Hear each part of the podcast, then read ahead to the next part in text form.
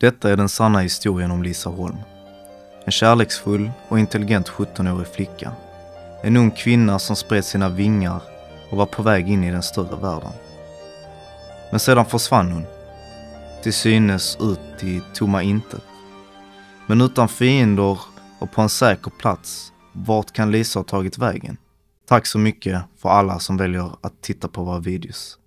Vår kärlek och respekt går ut till alla de som kände och älskade Lisa.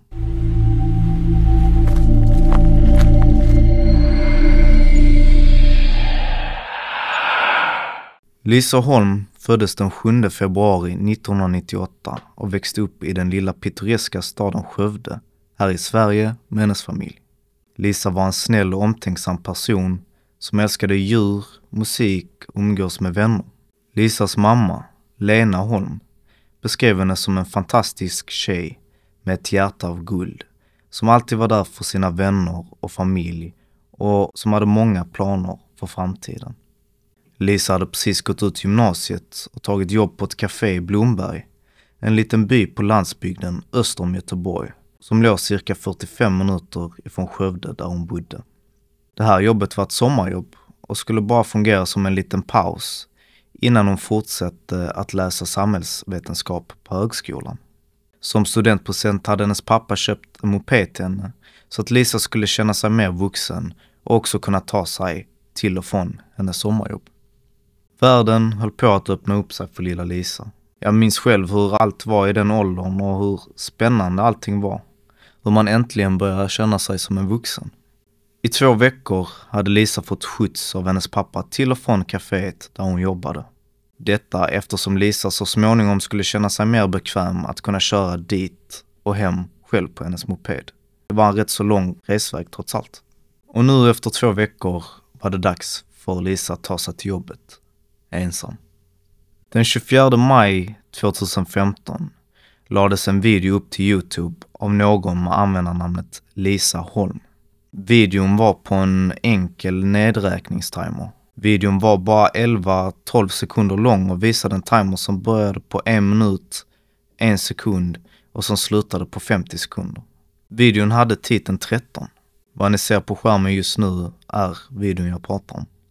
Den 7 juni 2015 gav sig Lisa iväg ensam till jobbet för första gången för att ta stängningspasset på kaféet. Lisa var ute i god tid och resan dit gick felfritt. Dagen gick förbi precis som vanligt. Lisa skrattade med kollegor och pratade med gäster, men i det stora hela var dagen rätt så händelselös. Och Lisa och hennes kollegor började stänga kaféet runt sextiden. Hon smsade sin pappa 1823 och sa att hon skulle snart lämna kaféet och komma hem. En perfekt första dag som en självständig ung kvinna. Kort efteråt fick hennes pappa ett samtal från Lisa. Samtalet verkade vara en fickringning och hennes pappa kunde höra de glädjefyllda stämmorna från Lisas kollegor. Det lät positivt. Det lät glatt. Och det var inget konstigt med samtalet. Men tyvärr skulle detta vara sista gången Lisas pappa fick höra hennes röst. Resan hem skulle ta mellan 40 till 45 minuter. Men när klockan slagit halv åtta var Lisa fortfarande inte hemma. Hennes föräldrar försökte ringa henne, men samtalen gick direkt till röstbrevlådan. De började bli mer och mer nervösa och Lisas pappa tar bilen och körde längs vägen till hennes jobb. Han tittar i varenda dike för att se om Lisa varit med om en olycka, men hittar inga spår av henne. Väl framme vid kaféet ser Lisas pappa hennes moped och blir lättad. Lättnaden skulle dock vara kortvarig, då när han går fram till mopeden upptäcker att nycklarna sitter i tändningen. Lisa var ingen dum tjej. Hon skulle aldrig lämna mopeden med nycklarna i. Pappans lättnad blir nu en blytung sten av skräck. Efter att han har sökt igenom kaféet och närområdet utan att hitta något ringer han till polisen. Polisen inledde en förundersökning och sökte igenom området för att hitta spår av den försvunna flickan. Alla som kände Lisa förstod att något hade hänt. Lisa skulle inte bara försvinna. Det var inte sån hon var. Med hjälpen från en polishund sökte polisen igenom hela området. Bland annat i en lada mitt emot kaféet, men hittade ingenting. Polisen knackade dörr och frågade närboende om information, men fortfarande ingenting. Sökandet fortsatte hela natten till måndagen den 8 juni, med allt förgäves. På morgonen gick polisen ut med att en ung flicka försvunnit. Polisen gick aldrig ut med Lisas namn för att skydda henne, men ansåg att resten av informationen var tillräcklig för att någon skulle kunna underlätta undersökningen. Vid samma tid gjordes en hemsk upptäckt. En mopedhandske, bekräftad vara Lisas, hittades i ladan som låg tvärs över kaféet. Samma lada som polisen och sökhundar hade letat igenom bara dagar tidigare. Konstigt nog hade inget hittats vid de tidigare undersökningarna. Handsken hade lämnats över till polisen av mannen som ägde marken där kaféet befann sig på. Han berättade att handsken hade hittats av bönder när de skulle börja deras arbetspass i ladan den morgonen. Tyvärr var händelseförloppet kring handsken oklart. Polisen kunde med säkerhet inte veta vem och när de hade rört handsken och kunde därför inte använda den som bevismaterial. Men upptäckten av handsken skulle ändå förändra utredningens gång. Utredningen togs nu på allvar och myndigheterna fick lov att använda alla tillgängliga resurser. Detta innebar fler poliser, större sökgrupper och mer arbetskraft. Polisen etablerade en ledningscentral på Källby idrottsplats nära kaféet och snabbt upptäcktes fler spår av Lisa. Några hundra meter söderut hittade poliser vad som såg ut att vara innehållet av Lisas fickor. Ett telefonfodral, två gamla kvitton, en begagnad tunnelbanebiljett och en krossad mobiltelefon. Äntligen några framsteg. Alla föremål identifierades som Lisas av hennes föräldrar. Dessa föremål hittades på en liten grusväg utanför huvudvägarna. Och om du inte var från området skulle du förmodligen inte ens veta om att stigen fanns. Upptäckten av den krossade mobiltelefonen bekräftade polisens värsta farhågor. Ett av de första anropen var att spåra den unga flickans rörelsemönster med hjälp av hennes mobiltelefon. Men när polisen triangulerade hennes telefon samma dag som hon försvann hamnade de i en återvändsgränd. Lisas senast kända plats var på kaféet. Men det fanns ingen aktivitet efter att hon gick. Detta berättade för utredarna att hon kunde ha blivit tillsagd att stänga av sin mobil. Eller mer troligt att den togs ifrån henne så att gärningsmannen kunde förstöra den. Med en krossad telefon såg läget inte bra ut. Lisas familj, vänner och två kollegor intervjuades, men inga nya spår hittades. Lisa var bara en vanlig 17-årig tjej från en liten stad. Det fanns helt enkelt ingen som någon kunde komma på skulle vilja göra henne skada. Redan nästa dag, tisdagen den 9 juni, hittades fler bevis. Hennes körkort och husnycklar. Men fortfarande ingen Lisa och ingen indikation på var hon kunde vara. Sökteamen tömde mineralbrunnar, de genomsökte byggnader och vadade genom jordbruksmarker. Allt i hopp om att hitta något som kunde peka dem i rätt riktning. Men tiden höll på att rinna ut. Chansen att Lisa skulle återvända hem på ett säkert sätt minskade allt eftersom dagarna gick. Polisen och familjen gjorde uppmaningen att lämna ut Lisas identitet till allmänheten onsdagen den 10 juni. Efter denna presskonferens strömmade det in nästan tusen människor från hela Sverige för att hjälpa till i sökandet.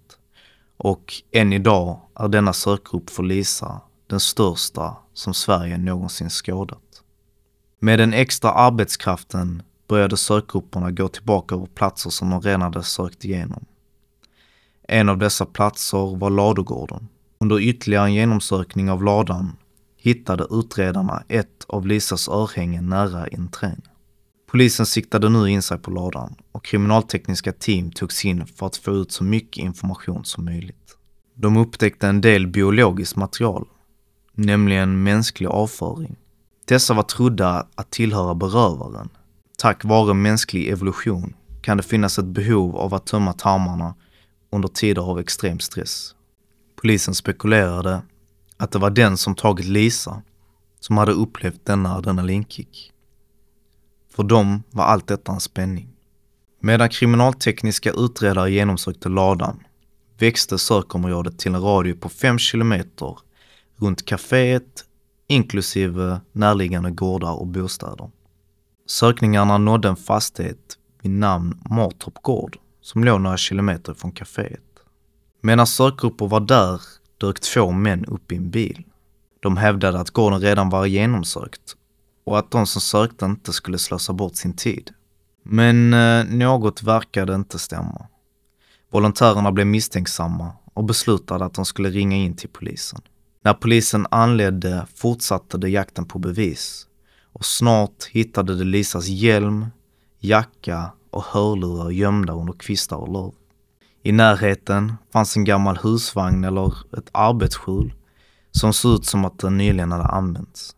Det långa gräset som ledde fram till arbetsskjulet var tillplattat och hade tryckts ner. När polisen genomsökte skjulet slogs de plötsligt i ansiktet av den omisskännliga lukten av död. I skjulet fanns det bänkar och skåp ungefär som ett gammalt omklädningsrum. Skåpen var stängda, förutom ett som var fullt med gamla kläder. De öppnade sedan varje skåp, men hittade ingenting. De tittade sedan närmare på skåpet som var fyllt med kläder och i det trånga, smala utrymmet insåg de att det inte bara var kläder de tittade på. De hade hittat Lisa, instoppad i skåpet och hon andades inte längre. Hon var halvnaken och hade ett rep runt halsen. Tejp över både munnen och näsan. Fredagen den 12 juni stormade polisen huset vid Martorp gård. De arresterade en 25-årig man, hans fru och hans bror. Nerius Bilevicius, hans bror Ivarus och Nerius hustru. De litauiska bröderna arbetade på Martorp gård och även i lagården bredvid kaféet. Deras hus ledde direkt ut på grusvägen där Lisas ägodelar hade slängts, mellan gården och ladugården. De förnekade all inblandning i Lisas fall och de agerade som alibi för varandra. Ladugården inspekterades ännu en gång under växande kritik om att polisen inte var noggrann nog. Ladan var inte tom. Det fanns flera rum inklusive ett kontor och ett mjölkrum. Kontoret hade ett stort fönster med fri sikt över kaféet och från det kunde den som tittade när som helst se unga servitriser komma in och ut ur kaféet och betjäna gäster. På samma kontor fanns bevis på självtillfredsställelse på väggen vid fönstret. Fläckar, om man så vill. Efter att dessa fläckar testats för DNA visade sig att det fanns en positiv matchning för Nerjus. Oroväckande nog kom Lisas medarbetare på kaféet senare ihåg att de hade sett en eller båda bröderna stirra på dem genom fönstret. I mjölkrummet stack ett rör ut ur väggen med ett rep på. Detta Testade senare positivt för Lisas DNA. Det var här hon tros ha tagit sina sista andetag. Polisen har nu satt ihop den fruktansvärda tidslinjen. Neri körde upp med bilen precis när Lisa skulle på sin moped. Det är troligt att han tog tag i henne, släpade henne in i ladan och sen för att tysta henne använde han tejp. Han hängde sedan upp henne i ett rör i mjölkrummet. Attacken var troligen av sexuellt motiv, även om en obduktion senare fastställde att Lisa inte hade blivit våldtagen. Manliga vätskor hittades på alla hennes kläder och i ladugården. Utredarna trodde att Nerjus hade blivit så upphetsad att han tog på sig själv när Lisa tog sina sista andetag. Han tog sedan hennes kropp till skjulet på Mårtorp gård och la henne i skåpet och gjorde sig av med hennes tillhörigheter längs vägen. Det var en meningslös attack och ännu ett mer meningslöst förfogande. Men hans alibin var korrekta. Eller vänta, nej det var de inte. Broder Ivarus vek sig som ett glaslakan. Dåligt. Han berättade till slut sanningen. Han erkände att hans bror hade betett sig konstigt natten då Lisa försvann. Att han hade gått och lagt sina kläder i tvättmaskinen efter det att han hade kommit hem. Hans bror hade bett honom ge honom ett falskt alibi när polisen kom för att förhöra dem. Han hade sagt att polisen var tvungen att skylla på en icke-svensk för brottet och hans bror spelade med. Den egentliga orsaken var dock att han själv hade begått brottet. Men nu hade polisen allt. Nerios DNA fanns över hela brottsplatsen, över Lisas kläder och nu hade han heller inget alibi. Minns ni nedräkningsklockan som jag nämnde tidigare i videon? Det här var något som blev viralt när Lisa försvann. Onlineforum blev galna över denna händelsen och hävdade att det var något från en film eller ett Netflix-drama. Titeln på videon 13 var antalet hela dagar mellan att videon lades upp och Lisa försvann. Kanalnamnet var uppenbarligen Lisa Holm. Så många teoriserade om att allt detta pekade mot att brottet var planerat. Detta skulle också kunna göra en stor skillnad med vilka åtal som kunde väckas mot en misstänkt och vilka straff de kunde dömas till. Polisen undersökte ursprunget till videon, men de upptäckte att det inte var något än en hemsk bluff. Videotiteln hade ändrats till 13 efter att Lisa försvann och kanalnamnet ändrades också till Lisa Holm. Bara för att addera ytterligare mystik till det redan hemska fallet. I november 2015 gick ärendet till rättegång. Åklagarna hävdade att Nerius hade kidnappat Lisa så att han skulle kunna sexuellt ofreda henne. När polisen beslagtog hans datorer upptäckte de en massa mörka och störande vuxenfilmer. Att hänga Lisa från röret till mjölkrummet var för hans egen tillfredsställelse och för att försöka återskapa filmerna han hade på sin dator. Och sen, i efterhand, när han hade fått vad han ville, försökte han dölja vad han hade gjort. Det var svårt att argumentera mot de konkreta fakta, mot bevisen. Men konstigt nog försökte hans försvar att skjuta över skulden på hans yngre bror. De sa att han hade planterat bevisen. De hävdade att det inte fanns några DNA i bilen, så hur skulle han kunna ha transporterat Lisas kropp? Det var ett giltigt argument, men tack och lov ett argument som inte höll upp mot bergen av bevis som hade staplats emot honom. Han förnekade att han någonsin träffat Lisa och sa Jag har aldrig träffat den tjejen. Jag har bara sett hennes bild. Jag vet hur svårt det är för familjen och jag lider med dem. Jag är själv pappa. Inget DNA från Ivarus hittades. Han kunde inte placeras i närheten av Lisa. Den 17 november 2015 kom en dom. Nerius Bilivicius befanns skyldig. Han dömdes till livstids fängelse för sitt brott. Monstret som tog den vackra och snälla Lisa skulle nu tillbringa resten av sitt liv i fängelse. Dock var resten av hans liv inte särskilt långt. Den 3 augusti 2022 höggs Nerius i halsen med ett vasst föremål av en annan på fängelset. Detta är ingen rättvisa för den smärta han orsakar Lisa Holms familj och vänner. Men de kan vara säkra på att han aldrig mer kommer kunna göra någon annan skada. Tycker ni att straffet stämde med brottet här? Vad tror ni kan göras för att undvika att något annat liknande händer i framtiden? Låt oss veta i kommentarerna och glöm inte att gilla videon. Och ta hand om er där ute, så ses vi snart.